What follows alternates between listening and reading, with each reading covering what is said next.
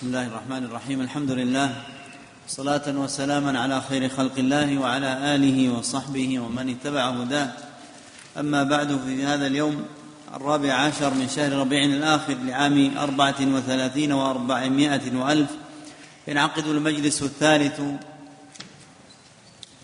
في شرح كتاب الورقات لأبي المعالي الإمام الجويني رحمه الله تعالى لمعالي شيخنا الشيخ الدكتور يوسف محمد الغفيص حفظه الله تعالى عضو هيئة كبار العلماء وعضو اللجنة الدائمة للإفتاء في جامع عثمان بن عفان رضي الله عنه بحي الوادي بالرياض. قال رحمه الله تعالى الفقه والعلم والجهل والفقه أخص من العلم. والعلم معرفة المعلوم على ما هو به في الواقع. والجهل تصور الشيء على خلاف ما هو به في الواقع. نعم هذه الأسماء الثلاثة الفقه والعلم والجهل. يقول أبو المعالي إن الفقه أخص من العلم أي أخص من مطلق العلم فهو قدر منه لكنه أخص منه وهو الفهم والإدراك وهو أخص من مطلق العلم. وأما العلم فإن النظار اختلفوا في حده بل إن بعض النظار قال إنه لا يقبل الحد. ومن سبب ذلك عندهم أن ثمة منهجا في علم النظر باعتبار أن الإدراك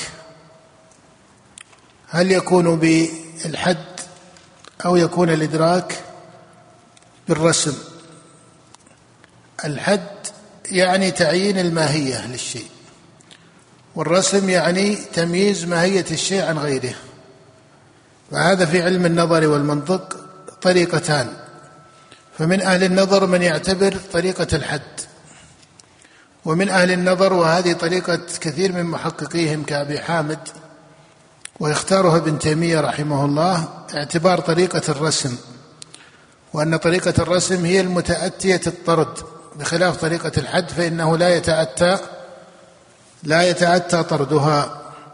ولذلك هم من التزم من النظار بطريقة الحد لما جاء للعلم انغلق عليهم أمره. حتى قال بعضهم إنه لا يقبل الحد لأنهم ما من قدر يقدرونه في الحد في نظرهم إلا ويرد عليه إذا عرفوا الجهل الدور.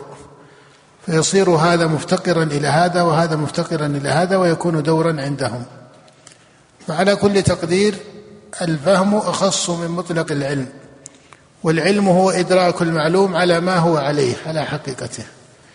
فإذا كان على خلاف ما حقيقته فهو جهل.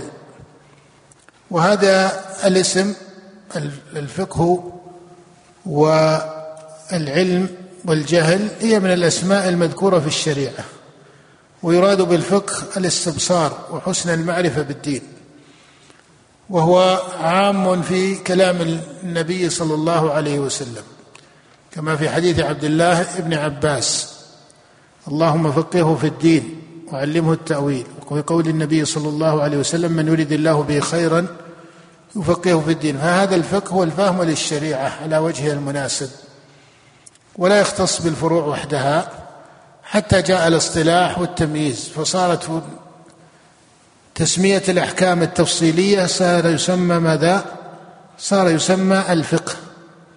فغلب عليه وصار إذا أطلق الفقه في موارد العلم وبحوث العلم صار ينصرف إلى معرفة الأحكام التفصيلية.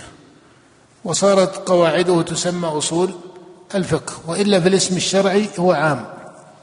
الاسم الشرعي هو عام. ولهذا كان بعض السالفين يسمون الفقه الأكبر لأصول الدين. وسمي الكتاب الذي نسب إلى الإمام أبي حنيفة كتاب الفقه الأكبر وإن كان الراجح أنه ليس من مؤلفات أبي حنيفة. لكن اشتهر عند الحنفية ولا سيما عند متكلمتهم أنه من كتب أبي حنيفة وصار يشرح على طريقة كثير من متأخر متكلميهم. والراجح أنه ليس من كتب الإمام أبي حنيفة وإنما من كتابة بعض علماء الحنفية. فالشاهد أن اسم الفقه الأكبر يراد به الأصول. نعم.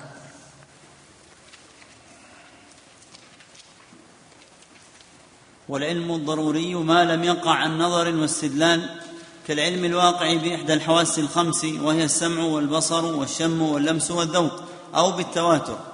وأما العلم المكتسب فهو ما يقع عن نظر واستدلال. نعم العلم وجهان. العلم الضروري وهو ما لا يحتاج إلى نظر واستدلال.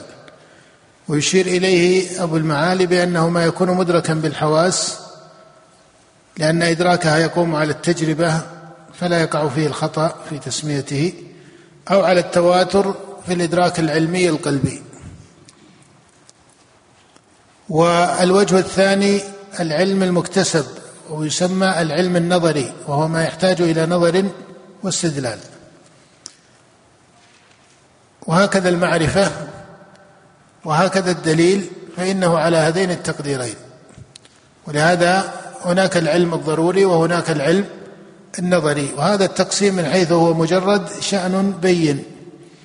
ولكن الخطأ في التطبيق يقع في وجوه من أخصها خطأ وسقطا تحويل بعض المسائل من مسائل العلم الضروري أو تحويل قدر من العلم الضروري إلى جعله علما مكتسبا. وتوهم بعض المكتسب أنه أنه إيش؟ أنه ضروري. وهذا مما دخل فيه كثير من الاضطراب في طرق المتفلسفة والمتكلمين. فتوهموا في بعض الضروري أنه مكتسب فصاروا يستدلون له. وربما استدلوا له بأدلة صحيحة ولكنها قاصرة في الاستدلال. مثل مسألة وجود الله سبحانه وتعالى ومسائل من الربوبية. وقد يقع التوهم على خلاف ذلك بجعل مسائل العلم المستدل عليه العلم المكتسب توهم جعلها من العلم الضروري فتنقطع عن مقام الاستدلال لكونها ضرورية لا تحتاج إليه فيقع فيها التوهم فيقع فيها التوهم. وهذا التمييز بين هذا وهذا يقع في العلميات في الجملة. ولا تجد أنه يقع في التجريبيات في الجملة التي مدركها الحواس الكاشفة كالسمع والبصر واللمس ونحو ذلك. وهي التي يسميها بعض النظار بالتجريبيات. فالتجريبيات مقام امتيازها بين أليس كذلك؟ لأن مدركها حسي من اللمس أو الشم أو السمع أو الإبصار أو نحو ذلك. ولكن الذي يقع فيه التوهم هو ما كان علميا. وهل هو من باب الضروري أو من باب المكتسب؟ وهل هو من باب اليقين أو من باب التوهم؟ فإن العلم المكتسب وإن كان بحاجة إلى نظر واستدلال إلا أنه على قدر من الاعتبار يجاوز الوهم فإن الوهم هو من باب أي الأسماء التي ذكرها أبو المعالي. الوهمي داخل في إيش؟ داخل في الجهل. فكما يقع الخطأ في نقل المكتسب إلى الضروري أو في نقل الضروري إلى المكتسب يقع خطأ أبلغ منه وهو نقل الجهل إلى إيش؟ إلى العلم فتسمية الجهل علما. وهذا كما أشار إليه أبو حامد رحمه الله لما قال إن هذه المدارك يتحصل بها أو تتحصل على ثلاثة أوجه. الأوليات والتجريبيات والوهميات. وبين أبو حامد رحمه الله أن الأوليات هي اليقينيات وأن التجريبيات يقع فيها الاحتمال وأن الوهميات كاذبة. وهذا من حيث النظرية المجردة متفق عليه بين النظار جميعا والفلاسفة أن الوهم لا حقيقة له وأنه كاذب. ولهذا ترى أن ابن سينا في كتبه تكلم عن الوهميات وبين فسادها في الحكمة وأنه ليس لها حقيقة بل هي كاذبة. هذا من حيث النظرية المجردة جميعهم يتفقون عليه. لكن ليس الشأن في هذا وإنما الشأن في تعيين المهمي من غيره. فقد يتوهم ما يكون وهميا فيتوهم أنه أولي وهذا نبه إليه أبو حامد لما قال إن من أكبر موارد السقط في النظر أن يتوهم أو أن ينقل الوهمي إلى إيش؟ إلى الأولي فيظن الوهمي اوليا أو يظن الاوليه ماذا؟ أو يظن الاوليه وهميا ومثل أبو حامد لهذا بمثال لا يوافق عليه. ودائما في القواعد لا ينبغي أن يكون المثال هو المعرف بصحة القاعدة من عدمها. فربما كان المثال خطأ وربما كان المثال ليس راجحا وربما كان صحيحا مناسبا. لكن من حيث الإدراك الفاضل والإدراك الأقوى لا يصح لك أن تجعل معيار القاعده هو ما يذكر عليها من مثال. هذه ليست طريقة في التحقيق وإن كان الذهن البسيط أحيانا يناسبه ذلك. أنه تشرق له القاعدة ويتعلق بها إذا لاح له أن مثالها مثال إيش؟ قوي أو ظاهر. وهذا ليس كذلك. قد يبدو المثال قويا والقاعدة ليست كذلك. وقد يبدو المثال مشكلا والقاعدة إيش؟ أقوى من ذلك. وهذا ترى يضطرد في القواعد وعلم النظر ويضطرد حتى في الاستدلال حتى في الاستدلال الفقهي. فقد تجد قولا فقهيا فيستدل له عند أصحابه بحديث ثم تجد هذا الحديث فيه علة. فقد يتأتى لك أن هذا القول ضعيف لأن مستنده ضعيف أو لا يصح لأن مستنده لا يصح. ولكنك إذا أمعنت التحقيق بان لك أن من أسسه أو ابتدأه من متقدم العلماء وقال به من أئمة الاجتهاد لم يكن بالضرورة مستندهم هذا الاستدلال المتأخر من بعض أصحابهم. فالمقصود أن الوهميات قد تدخل على الأوليات. وهذا كما قلت لا خلاف فيه بين علماء النظر والفلسفه ولكن الخلاف في التطبيق. الخلاف شأنه في التطبيق أبلغ. نعم. والنظر هو الفكر في حال المنظور فيه والاستدلال طلب الدليل. والدليل هو المرشد إلى المطلوب. نعم الدليل هو المرشد إلى المطلوب. أو يقولون ما يمكن التوصل بصحيح النظر فيه إلى مطلوب. نعم. والظن تجويز أمرين أحدهما أظهر من والدليل الآخر. على قول الأكثر من النظار يجعلونه في الظني والقطعي يجعلونه في الظني والقطعي ومنهم من قال من علماء النظر من قال إن الدليل إن الدليل إنما هو في القطعي وأما الظني فإنه لا يسمى دليلا وإنما يسمى أمارة ونحو ذلك. فخص اسم الدليل إذا كان قطعيا هذا على كل حال اصطلاح. والجمهور من علماء النظر والأصول على خلافه وأن الدليل يسمى في الظني وفي القطعي وهذا الذي مضى عليه طرائق العلماء والفقهاء أنهم يسمون الدليل فيما كان قطعيا وما كان ظنيا. نعم.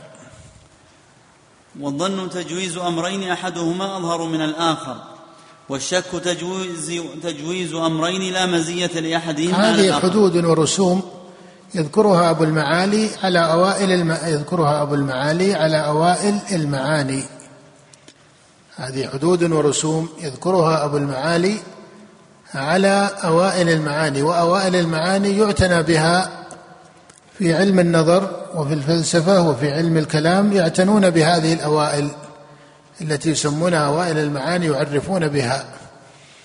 وإن كان ذكر أبي المعالي لها في هذه الرسالة مختصرا لأنه أراد أن يعرفك بجملة النتائج المشهورة من علم أصول الفقه. وهذه الأوائل من المعاني في الغالب أنها في كتب الاستفصال. في كتب الاستفصال. هذه ليست في النتائج إنما يبحثون فيها أوائل المعاني. فهو استدعى ما يكون محتاجا إليه في علم الأصول فقال لك الظن كذا والشك كذا الشك ما استوى فيه الطرفان والظن ما ترجح أحدهما على الآخر. هذه تسمى أوائل المعاني وهي منهج معروف عند الفلاسفة في بحثهم لكن أولئك يبحثون ما هو أوسع فيبحثون تعريف الزمان وتعريف المكان وتعريف الوجود هذه كلها يسمونها أوائل المعاني في علم النظر وهي في أصلها من طرائق ترتيب الفلسفة أنهم أول ما يعرفون بهذه المجردات المبتدأة أول ما يعرفون بهذه ولهذا اختلف الفلاسفة في تعريف الزمان ما هو وفي تعريف المكان ما هو وفي تعريف الوجود ما هو وفي تعريف الغير ما هو كل هذه يسمونها في أوائل المعاني ويبحثون في كتب علم الكلام أو يخصصون لها يغلبون فيها بعض الكتب. مثل ما جاء في كتاب الإشارة والتنبيهات لابن سينا فإنه ذكر فيه جملة من أوائل المعاني ويذكر فيها النتائج التي تتصل بها بما يسميه تنبيها وإشارة في أوائل المعاني وإذا ذكر النتائج المتممة سمى ذلك تتميما وتذنيبا. تجد أن كتابه قام على هذه الاصطلاحات في الغالب يقول لك إشارة أو يقول لك تنبيه ويقول لك تتميم وتذنيب.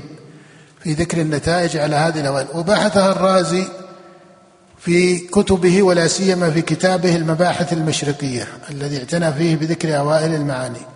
فعلى كل حال القدر المحتاج منها في علم الأصول في علم أصول الفقه مثل هذا المعنى. لما يقول لك الدليل ما هو والظن ما هو والشك ما هو هذه كلها يسمونها أوائل المعاني. نعم. وعلم أصول الفقه طرقه على سبيل الإجمال وكيفية الاستدلال بها. نعم.